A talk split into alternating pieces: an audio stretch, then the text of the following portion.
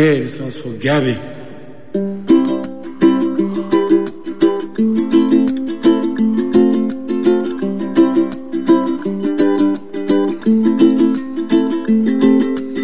íntimament amb Maria López.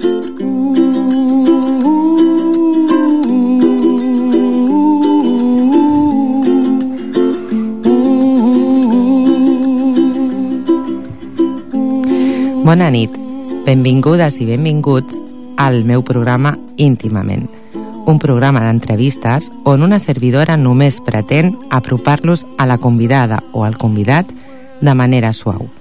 Avui tenim amb nosaltres a l'Alberto Castro. Soc Maria López. Vols acompanyar-me? And the dreams that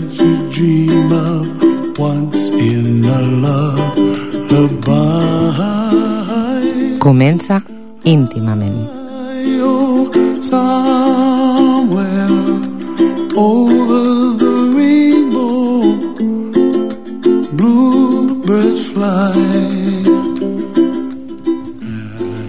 No demano gran cosa. No demano gran cosa. Poder parlar sense estrafer la veu. Caminar sense crosses. Fer l'amor sense haver de demanar permisos. Escriure en un paper sense pautes. O bé, si sembla massa, escriure sense haver d'estrafer la veu, caminar sense pautes, parlar sense haver de demanar permisos, fer l'amor sense crosses. O bé, si sembla massa, fer l'amor sense haver d'estrafer la veu, escriure sense crosses, caminar sense haver de demanar permisos, poder parlar sense pautes. O bé, si sembla massa. Miquel Martí i Pol, llibre 27 poemes en tres temps, 1972. Bona nit, Alberto. Molt bona nit. Què tal? Doncs eh, amb aquest poema m'has... Eh, se m'ha posat la, la carne de gallina, que diuen. Perquè a més és un poema que per mi té un, un moment de la meva vida molt important. I m'emporta uns records entranyables, aquest poema. Quins records et porta? Doncs mira, per, eh, per qüestions de la vida vaig eh, anar a parar amb una companyia de teatre que es deia BCNWCIA que era una companyia de teatre que tractava de... Bueno, millor, millor dit, era el fruit d'una experiència terapèutica i en aquesta companyia hi havia perdó, actors professionals, ballarins, nanos amb autisme, persones amb mobilitat reduïda, i en aquest poema era un moment de, de l'obra i eh, em porta molts records i records molt entranyables. Tinc a dir que he estat mm, dies buscant un poema que fos adient a tu, perquè també tinc que dir, com t'he comentat abans, que per mi ets una persona que em dona molt de respecte, perquè trobo que ets una persona molt interessant, molt intel·ligent, que es riu dels, del, del, del seu propi... A veure, com ho explico? El sentit de l'humor, no? Per mi el sentit de l'humor a la vida és superimportant perquè aporta optimisme, perquè jo crec que ajuda a aconseguir les fites, no? I jo, el temps que t'he conegut, que tinc que dir que ja coneixo l'Albert d'abans, no de molt abans, que l'he descobert tard a la meva vida, la veritat, eh, a mi m'has donat una lliçó, Alberto. Sí, sí, sí, m'has donat una lliçó de... Perquè jo sempre he sigut una persona que he pensat, si quiero, puedo, no? Ha sigut com el meu lema a la vida i costa trobar persones així a la vida, no? I per mi tu ets una persona de si quiero, puedo, perquè a més t'he conegut en facetes super diferents. És veritat. Per exemple, eh, m'ha explicat un ocellet que tu vas, fer, vas ser un dels fundadors d'una cooperativa que es deia, com es deia, Alberto? Bueno, he sigut cofundador d'algunes, eh, d'algunes però em, suposo que et referiràs a Can Ensenya, Ah, exacte. que era una empresa, eh, era una societat anònima laboral, eh, la qual cosa vol dir que, que els treballadors eren propietaris de l'empresa. És una versió una mica diferent d'una cooperativa, però la filosofia és la mateixa. I era una empresa en la qual feien inserció de persones amb tot tipus de discapacitat. I durant molts anys va ser un referent del que, eren, del que avui en dia són empreses d'inserció. I del que es tractava era de demostrar que persones excloses del mercat ordinari de treball doncs podien ser capaços de portar a terme una feina productiva i tirar endavant una empresa que va arribar a tenir gairebé 200 treballadors. Déu-n'hi-do. déu nhi També has tocat música, que sé que la música Mm. és molt important a la teva vida. T'agrada molt el jazz. Uh -huh. Molt. La música per mi ha estat... Eh, jo crec que el 50% de la meva vida és música. Si em permets una petita confessió mm, afectiva, quan vaig començar a tenir relació amb la meva dona, persona que ha omplert l'altra part de la meva vida, li vaig regalar una caixa de música i li vaig dir, mira, aquesta és la, la vida de l'Albert, de l'Alberto. I la veritat és que la música per mi ha estat sempre molt important. Em vaig dedicar professionalment durant 15 anys, em ve heredat de, dels meus avis i del meu pare, i la música per mi és molt, molt, molt, molt important. Després té un altre vessant. L'Alberto és una persona molt reivindicativa. Home, és que no, no es pot ser d'una altra manera. Amb la que està caient, no? Jo crec que jo vaig ser molt, molt lluitador en un moment donat, als 70, 80, quan calia, quan eren conscients de que tot anava a canviar, quan havíem de carregar-se un dictador, quan la democràcia estava a tocar, quan la gent ja no tenia por de reivindicar llibertat. I jo em vaig adonar doncs, que pertanyia, i pertanyo encara, a un col·lectiu de persones amb mobilitat reduïda mm, i que per tant havíem també de cridar i havíem de sortir al carrer i van ser moments molt, molt intensos en la qual he après moltíssimes coses i sobretot he après que si una porta està tancada la millor manera d'obrir-la és fotre-li una patada si has d'esperar que te l'obri algú malament rai no? i en aquell moment va ser un moment molt reivindicatius i no sé per què als dates d'avui torno a tenir el sentiment de que haur- haurem de tornar a donar un cop a la porta perquè algú vol tancar-la. Bueno, de fet, està mig tancada. Sí, la veritat és que sí. I jo crec que, per sort, cada vegada el percentatge de persones amb discapacitat és menor per l'evolució de la medicina i per, per el tractament precoç i, i això és una molt bona notícia. Però també, per altra banda, els de la vieja escuela tenim la sensació de que ningú està agafant el relleu que la gent jove que té alguna discapacitat mm, potser està massa acomodada. I jo crec que cal cridar i, i, i, i, i tornar al carrer i, i tornar a reivindicar. Perquè no es tracta d'un- d'una d'una reivindicació egoista. Es tracta d'una reivindicació col·lectiva. Una societat que tracta malament a les persones més febles és una societat pobra.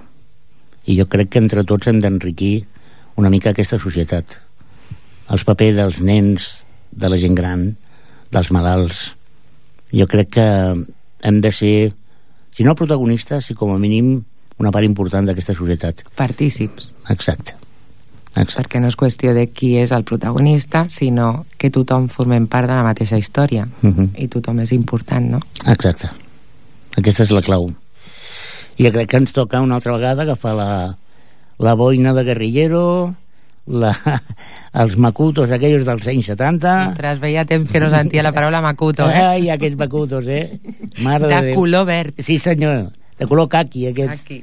Sí, senyor, que eren incomodíssims, però eren tot un símbol de, de lluita, no? Potser ens tocarà recuperar aquests macutos i sortir al carrer un altre cop. Perquè tu penses eh, que aquesta societat, ara més que fa molts anys o que anys enrere, s'està oblidant una altra vegada aquest col·lectiu?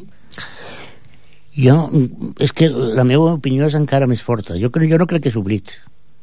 És menyspreu. Jo crec que és menyspreu. És a dir, és pensar que, que ja està bé com està. Vull dir que, que un malalt ha de morir, que és un, una despesa innecessària. Bueno, de fet, el ministre Japó aquest va comentar abans d'ahir Sí, sí, sí. Declaracions molt afortunades, per altra banda. Eh? va dir que la gent gran pues, més valia que es morís ràpid perquè, Sí. clar, la societat no Sí. podia sostenir... Exacte. Sí, sí, jo penso que és un luxe asiàtic amb l'excusa de l'atur, que és un gravíssim problema. Gravíssim problema. que ningú interpreti amb les meves paraules una mm, frivolització d'aquest problema, eh? que per mi és gravíssim, però amb l'excusa de l'atur, tot la resta no és important. El fet de que, per exemple, les residències de gent gran, si abans hi tenien sis penyals per dia, ara tenen quatre. Si abans tu podies demanar una cadira de rodes o unes crosses, ara les has de pagar. Si abans tenies residències i pisos assistits per gent dependent, ara ja no els tens. Tenim que dir, perdó, que faci un incís. Per la gent que no conegui a l'Alberto Castro, a tu, que no et Mm. conegui personalment, l'Alberto va en cadira de rodes. Sí. Vull dir que ell no ho diu, ell s'autodenomina cojo. Sí, exacte, soc cojo, soc usuari de cadira des de fa molts anys. I de sempre, Alberto? des dels 16 mesos... Mira, això és curiós. La meva primera cadira de rodes va ser... Eh, saps aquesta de... De la, de la, la Heidi tenia una amiga, Mhm. la, com es deia? La, La Adelaida? Clara, la Clara. la Clara, que anava amb una cadira, no?, de fusta. Doncs la meva primera cadira de rodes, que no era meva, era a l'Hospital de Sant Pau, era una d'aquestes. I era molt divertida perquè portava les, les rodes de fusta i, per tant, no es desinflaven mai.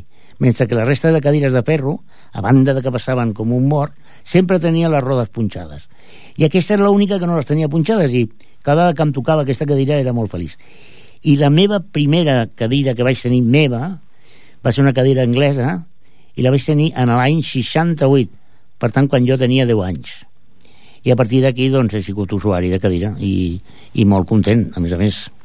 I què tal es viu la vida des de menys alçada? Això és una molt bona pregunta. A veure, quan parles amb gent, tothom estem acostumats, tothom esteu acostumats. A més, tu ets una dona d'alçada. A part de ser una gran persona, ets un, una dona d'alçada. Que em posaré vermella... Mm, Bueno, és que ja t'he dit que volia seduir-te. No, o sigui, tu mateixa, eh? A veure si ho aconsegueixo. No, d'alguna manera, el, el, quan parles amb algú, la línia de conversa és la- l'alçada dels ulls. I molta gent, sobretot els accidentats, no? que, que han esdevingut discapacitats de cop i volta, una de les coses que pitjor porten és mirar cap amunt per parlar amb la gent. I jo crec que això és un inconvenient, però també té les seves avantatges perquè el que veus de la gent són les seves tripes. I potser tens una altra informació de la gent que altres no tenen. Això és, és molt curiós.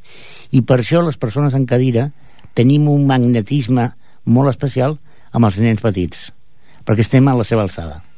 I som iguals. I perden la por de parlar perquè no és l'home gran o la dona gran que fa una mica de por perquè has de mirar cap amunt no?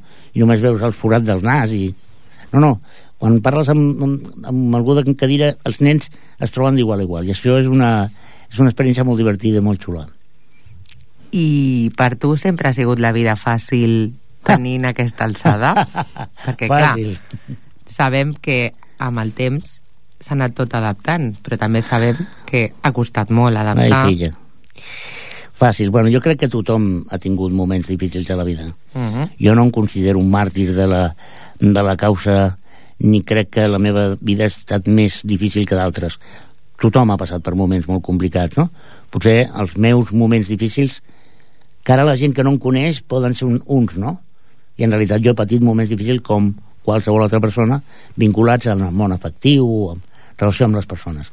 Però no hi ha dubte, quan, quan, mira, quan jo començo la meva activitat social, és a dir, quan començo a anar a l'escola, escoles eh, que jo vaig haver de desplaçar-me gairebé 20 quilòmetres.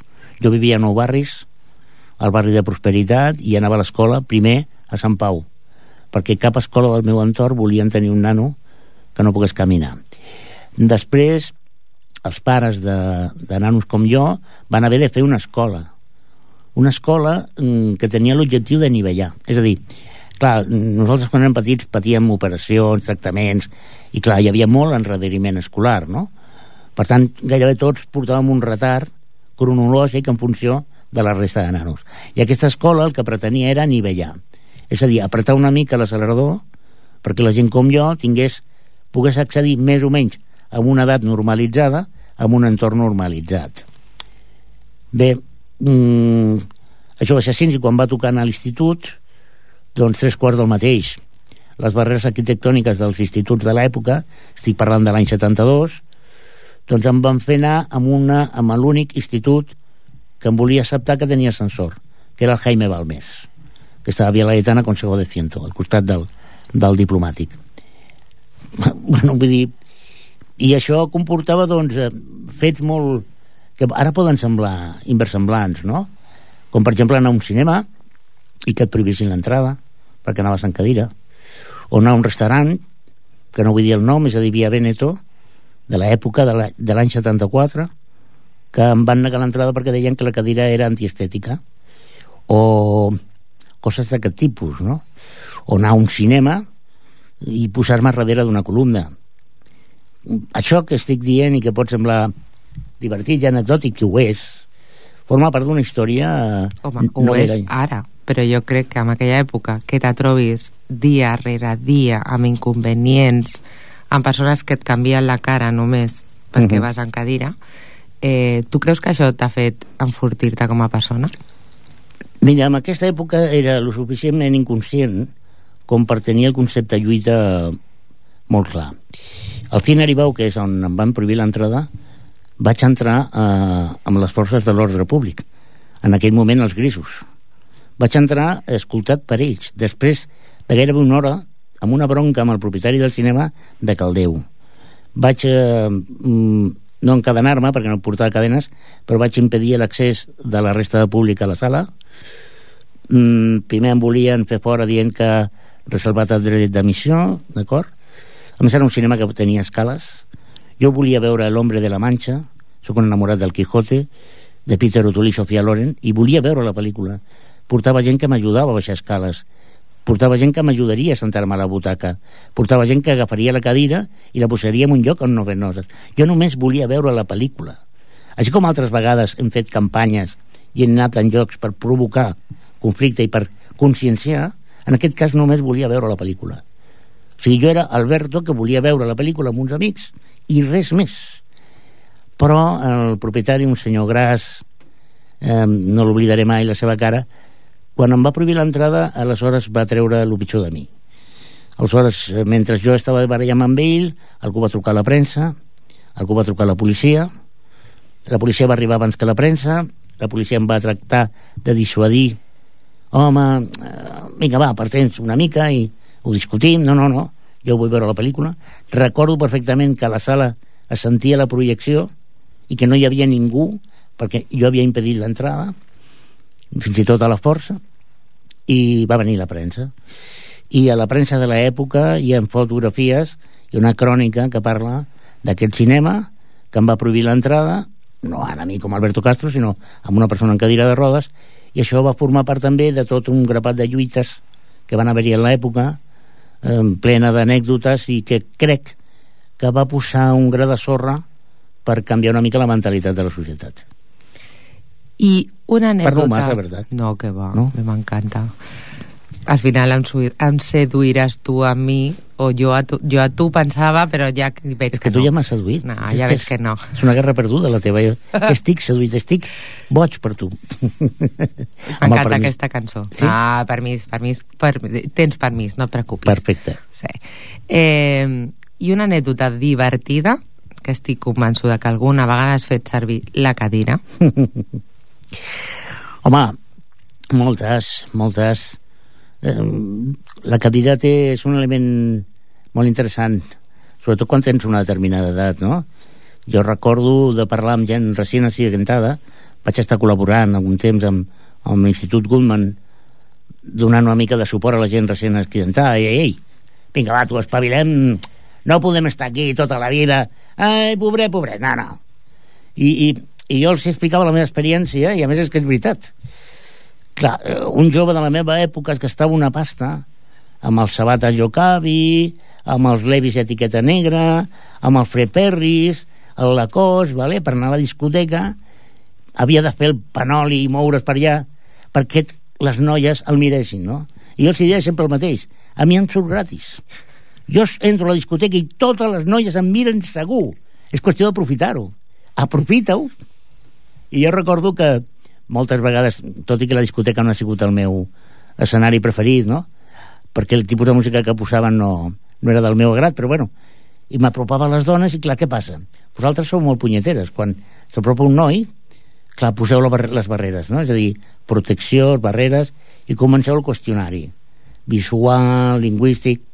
A mi no hi havia barreres, perquè era impossible enamorar-se d'un noi com jo. Per tant, us relaxàveu. Era fantàstic. Jo podia apropar-me a la noia més guapa de la discoteca, que no em diria... No, no, no. Hola, què tal? Hola.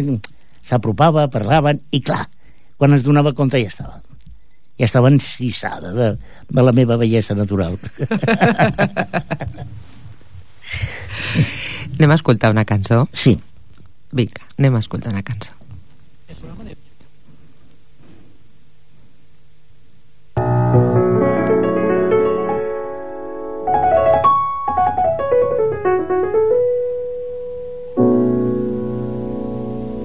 Love you, Porgy.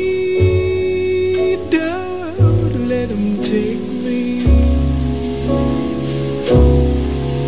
Don't let him handle me and drive me mad.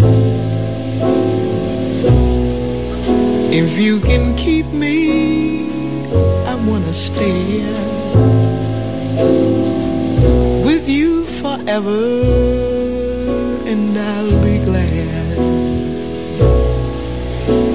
Yes, I love you, Pokey. Don't let him take me. Don't let him handle me with his hot hands. If you can keep me, I want to stay here with you forever. I've got my made.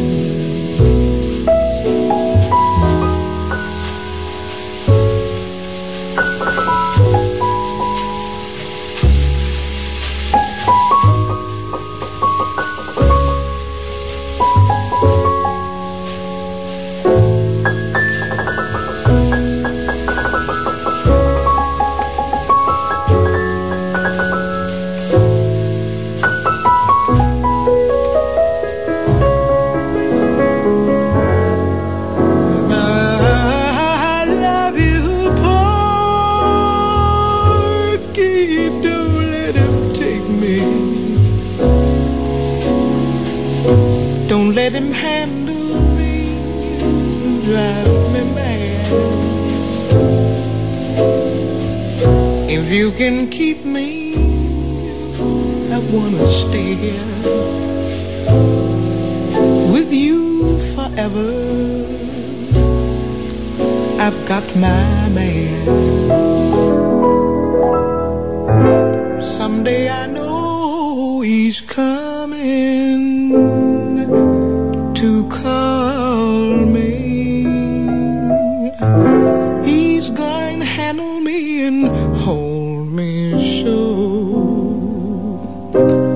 It's going to be like dying, Porgy.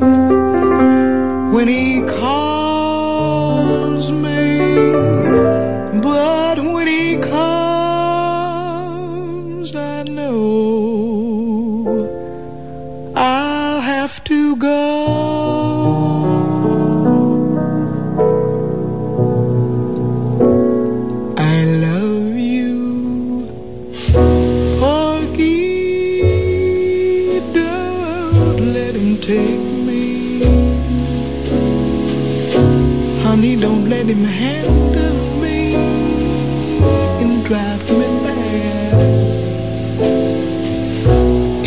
can keep me, I wanna stay here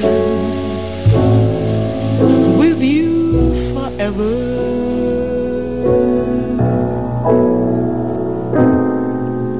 I've got my.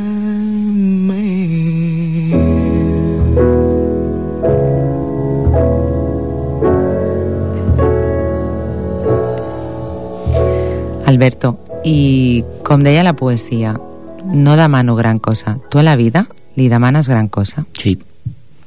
Tot. li demano tot. Jo no renuncio a res. A priori a res. Se li ha de demanar tot, hem de lluitar per tot. No, no, no ens podem conformar. Si jo la meva il·lusió és muntar a cavall monto cavall. I si em caic o no puc miraré de trobar la manera. I si alguna cosa és veritablement impossible doncs renunciaré. Però això no serà una pèrdua i una renúncia jo crec que hem de lluitar per tot per, per l'amor, per la justícia, per la felicitat hem de lluitar, hem de ser lluitadors perquè això ens manté vius si renunciem què ens queda? O sigui, que tu vius la vida a tope. A tope. A tope. Si no estaria mort. Jo la vic a tope. Jo no moriré, jo trigaré molts anys a morir-me perquè no tinc temps de morir-me.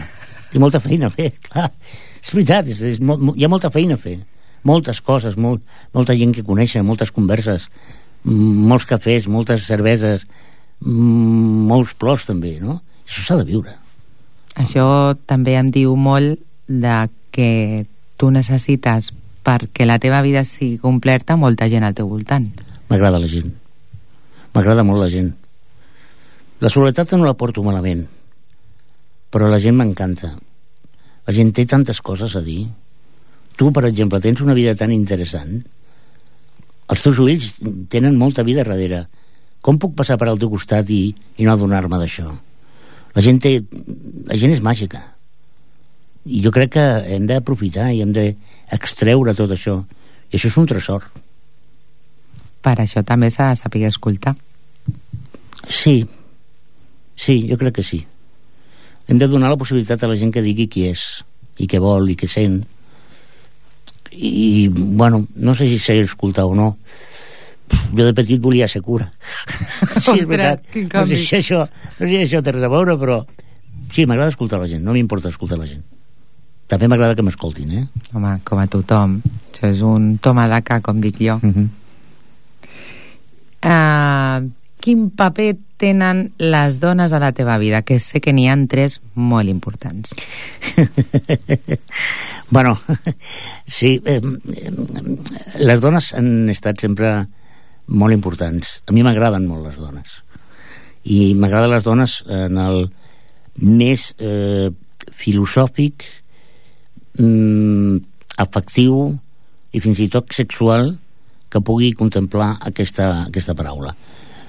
Jo crec que la dona té una sensibilitat mm, diferent, té una visió de la vida diferent i a mi m'agraden, m'agraden molt. He tingut molt bones amigues, he tingut alguna que altra amant i tinc ara mateix la, la millor dona que un home pot desitjar, no?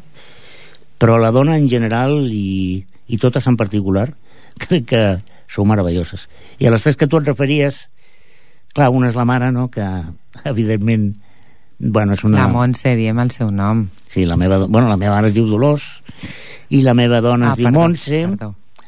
i la meva dona es diu Montse i l'altra tercera diguem-ne que bueno, és una professional de l'amor no, això és una broma forma part d'un monòleg que, que vaig tenir la possibilitat de, de fer a, el fer monòlegs a Cerdanyola i la veritat és que parlava una mica d'això no? I una mica en broma parlava d'aquesta altra dona que era l'Esbaldana que era, treballava a la rotonda de Baricentro Ostres. perquè consti que això és una broma eh?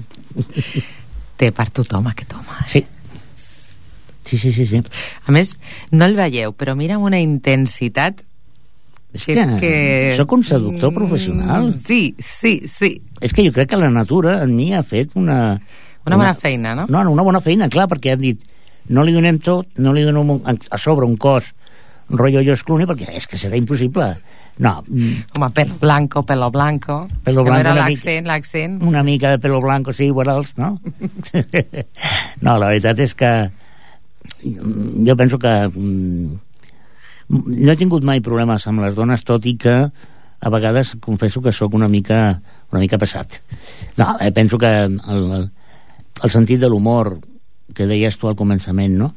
Per mi és un tema molt important. Jo crec que és una manera de viure i no és impossible. No és de tontos, no és d'inconscients.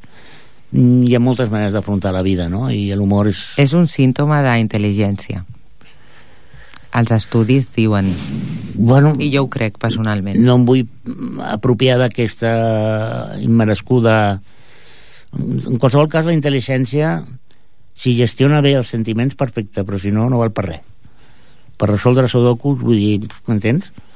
jo penso que l'intel·ligent és aquell que sap negociar els seus sentiments uh -huh. i els dels altres evitar fer mal i aprofitar-se de tots els moments bons que té la vida jo crec que per això a més has de tenir una estabilitat emocional molt gran per mi és la base mm. i la vida me l'ha demostrat almenys amb el meu camí vital no? suposo mm -hmm. que qualsevol altre dirà no, jo crec que sí, que hi ha persones que amb una estabilitat emocional o que hi ha moltes coses que li donen estabilitat emocional i que això li ajuda a enfrontar la vida amb, un, amb humor, amb optimisme però jo torno i retomo retomo uh -huh.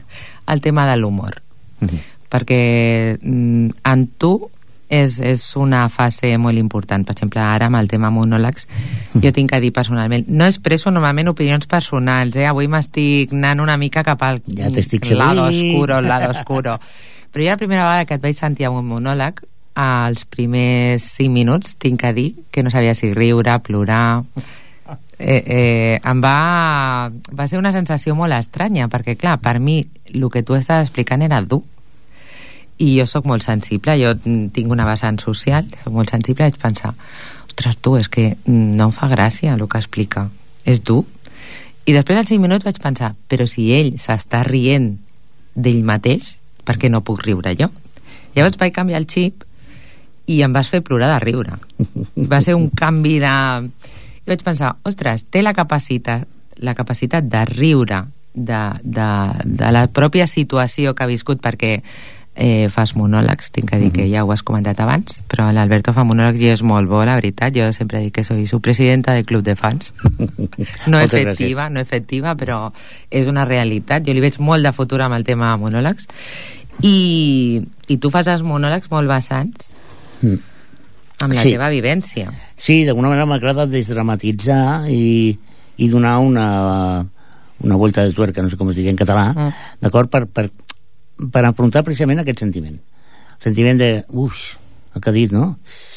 Però s'està rient i, i a més jo penso que si podem fer humor dels gordos i de los calvos i de les dones amb, jo que sé, pues, per què no amb de les persones invidents o que vagin en cadira de rodes, per què no? Jo crec que hi ha bon humor i humor dolent. Aleshores, tu pots parlar de fer un humor blanc i ser molt dolent i parlar d'un humor mm, complicat i ser bo jo no, això no estic dient que jo sigui bo, però el que estic dient és que per mi era un repte, el, perquè m'ho passo molt bé a sobre d'un escenari.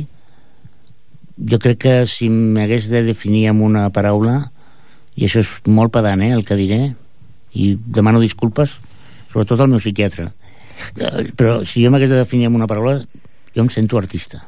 Jo t'anava a preguntar com et definiries amb una paraula Mira. i a més jo pensava dir-te perquè jo et considero artista perquè tens una vessant artística, música, monòlegs, uh, mm, mm, mm, mm, ràdio, mm, teatre, mm, teatre. El cuento chino, sí. I ha fet, ha fet curs, ha fet curs també, sí. vull dir que el tema de la web de los cojos cabreados eh, fa un... T'agrada aquesta, eh? Sí, a mi m'encanta, m'encanta perquè és una... Lucha, sí, cojos en lucha, perdó. No, no, no passa res.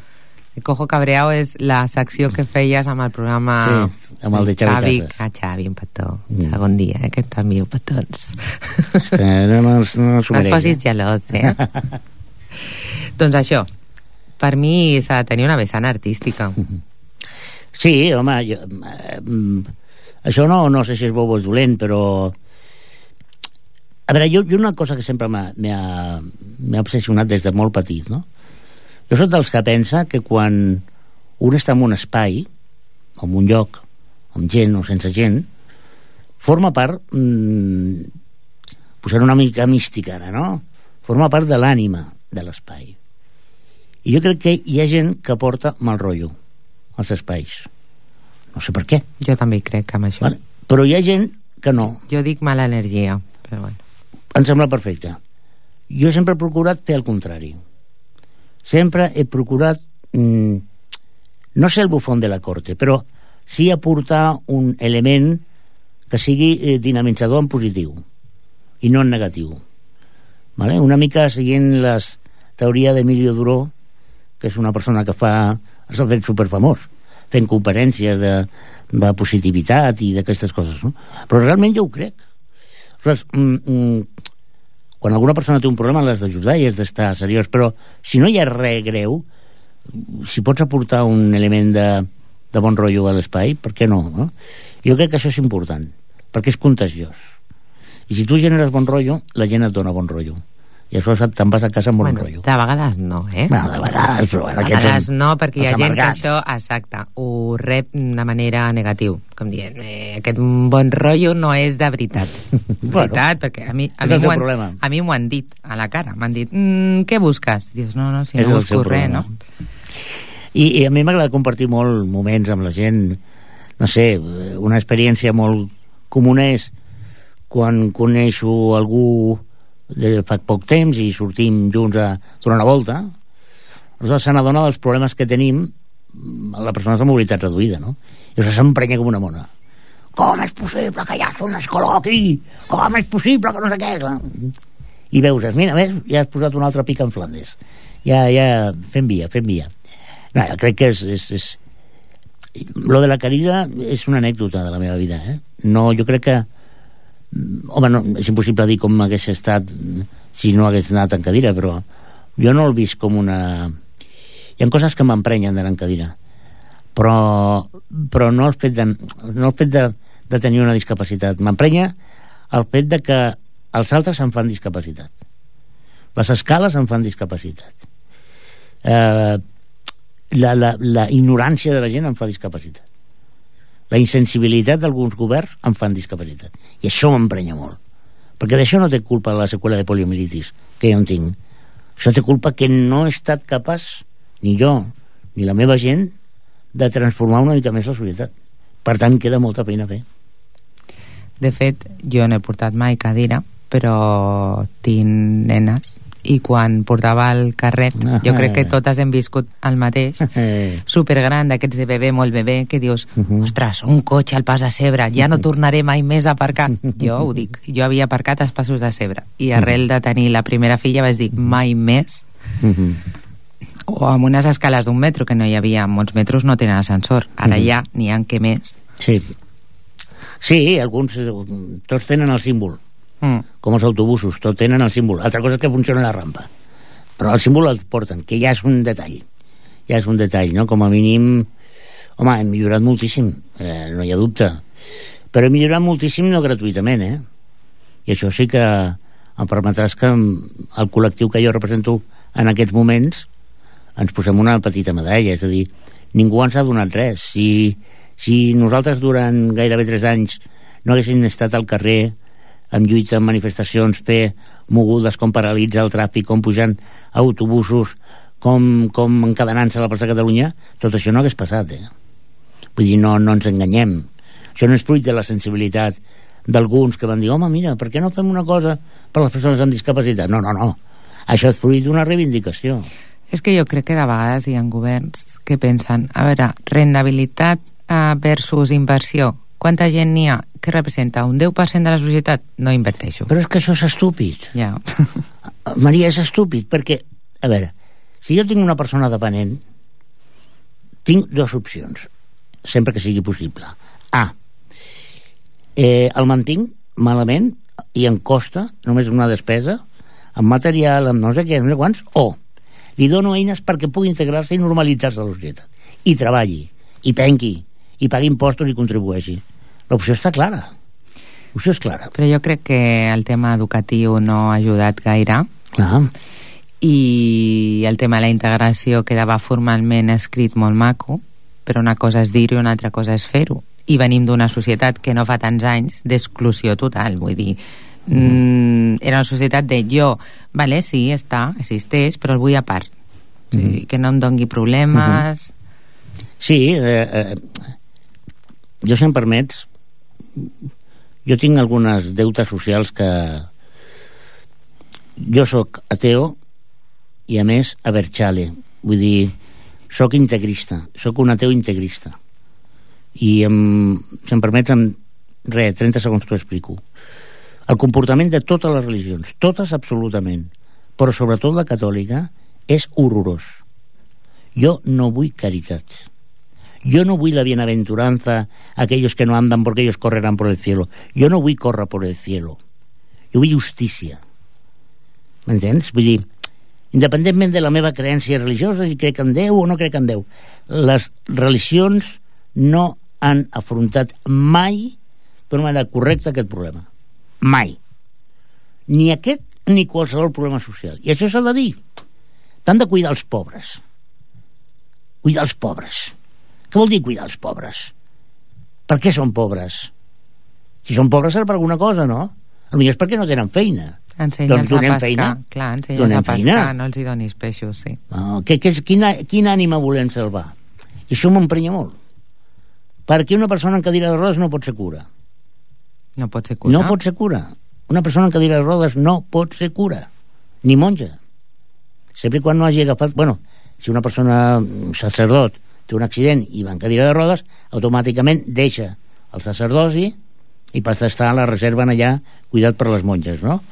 És a dir, ni pot ser mm, monjo budista, ni pot ser l'imant de musulman. És a dir, què està passant, senyors?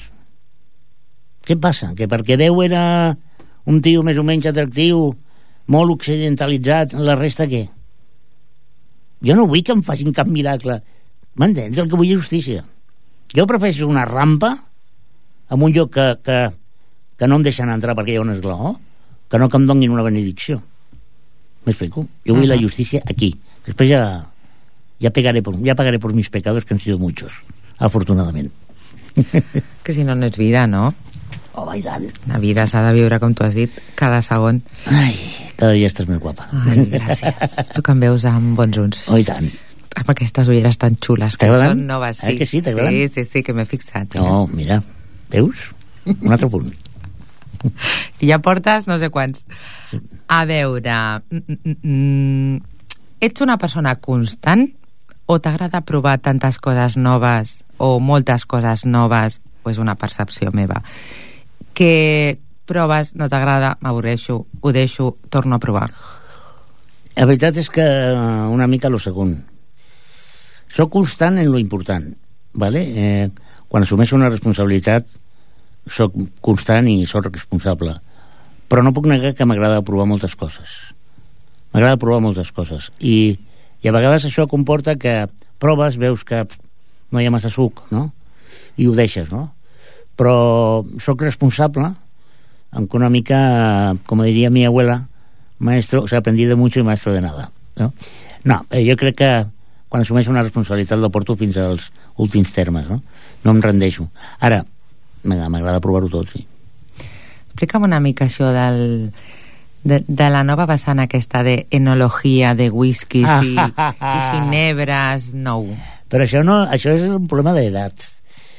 Saps què passa? Que eh, a mesura quan va tenint edat i es, es don compte que el garrafón cada vegada li senta pitjor i que el trasnochar allò de juergas in, imperecederes això ja no perquè no hi ha que aguanti una ressaca comences a, a trobar gust i plaer amb altres coses i per mi el món del vi el món de la cocteleria mm, el món de la gastronomia en general és un món que, que, que reconeixo que, que ho he conegut tard eh?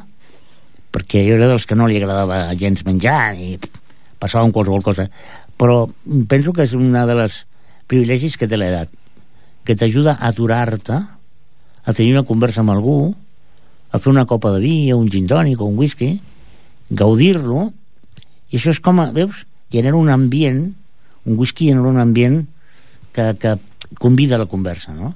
més que venga va, me he cinco cubates cinco cubates i no home no, tranquil, para para, un malta de 18 anys Això, jo que no sóc de whisky. I la ginebra? La ginebra bueno, la ginebra la ginebra confesso que és un és la meva nova amant vull dir, és un món que que mira, ens van conèixer per casualitat la ginebra i jo i ha sigut un amor a primera vista I com Ella- es diu la teva amant? una de les meves favorites, tot i que tinc moltes, eh? seria la Monkey 47, que és una ginebra alemana, mm, molt seca, molt forta, però que és molt bona, amb una bona tònica. Algun dia farem un gin tònic. Pues sí, a mi m'agraden un de tant en quant, perquè tampoc sóc gaire perquè no has provat els meus. Eh... Puc venir acompanyada. Ja estamos. Ai, ai, ja estamos. ai, ai, ai. Pots venir, pots venir acompanyada, cap problema. Un no sé, no sé, igual no el, com... no, no, no el convidaré. Exacte, tonta. El primer no, el primer no. Ah, tu proves. Ja si veurem, ja veurem. Tu proves, i si t'agrada no li diem res ja. I el tema de la ràdio. Tu fas un programa de ràdio. Què t'aporta a tu la ràdio? No t'ho sabria dir. No t'ho sabria dir. Jo sóc víctima del virus de la ràdio. En l'any 85 vaig fer un programa que es deia Tot Jazz, amb una emissora de Cerdanyola, que ja no hi és, Onda Uno, i en allà em va picar el, el virus. La ràdio és màgia, és... és, és no sé, sí, sé que és un mitjà eh, poc atractiu a nivell tecnològic de les noves tecnologies, no? que és un mitjà antic, que potser és un mitjà mm, que no pot competir amb altres, no? Però és màgic, és màgic. La veu, el, el, la seducció, el fet que qui estigui escoltant mm, no sé com està, potser està escarxofat en el sofà perquè acaba venir de la feina emprenyada i està escoltant i està dient, home, mira, quin tio, no? Veia com s'enrotlla, no? O no, o a lo millor és, eh, és algú que està treballant o senzillament llegint un llibre amb la ràdio escoltant, no? És, qui sap qui ens està escoltant? I això és, és màgia, és màgic. És veritat. Eh, jo crec que hauríem de tornar una mica a les tecnologies antigues com la ràdio, perquè jo tinc molts records de petita de sempre la ràdio posada a casa. Sí. Jo recordo escoltar amb la meva àvia Simplemente María. I el, i el, i el bueno, programes emblemàtics el España para los españoles i, el, i aquest tipus de programes que, que es feien a, a finals dels 60 és a dir que no vegis. Que aprofitem per dir el nostre dial, home, 91.3, Ripollet Ràdio, i per dir que podeu descarregar els programes online per internet, poseu Ripollet Online, Ripollet Ràdio Online, el programa l'Alberto que es diu L'Hora del Té. aquest programa que es diu Íntimament, o qualsevol altre programa dels altres companys uh -huh. que veritablement valen la pena. que per cert eh, molta gent em de... mira, avui precisament la meva filla em deia ah, però quanta gent us escolta? dic, home, no ho sé ni ho sé ni m'importa però el que sí sé és que portem més de 60.000 descàrregues eh, en l'any 2012 per tant 60.000 persones han escoltat els nostres programes Sí, sí, que hem anat increixendo com... que, Més del... tie- que tiemble la copa Jo estic oberta, eh? Si algun dia diuen no. necessitem alguna... Sense deixar aquest programa. jo no, jo no, han parlat de mi amb el capilón em va trucar a la tele i vaig dir no, no, no, cap problema Mm. una bona oferta, no? mm, no m'importaria treballar a la ràdio. Eh, tu has dit abans que t'agrada molt el Quijote. sí, Ho has comentat amb Sí. el tema de, de la pel·lícula. sí I a més, jo he trobat una fitxa teva que diu el meu llibre preferit, El Quijote. Has trobat una fitxa meva? Sí. La fitxa policial? Una fitxa... La fitxa policial? Ah. Sí, el meu llibre favorit és El Quijote. És El Quijote. Ho he llegit moltes vegades i per mi és un personatge brutal. Brutal. Alberto, se m'ha fet curtíssim el programa, però crec que també. ja tenim que dir bona nit. I jo crec que un altre dia, quan passi un temps, tornarem. Jo estic a la teva disposició. I jo a la teva. Oh. Bona nit i moltes gràcies per estar amb nosaltres a íntimament. Us deixem amb una cançó dedicada a l'Alberto. Bona nit.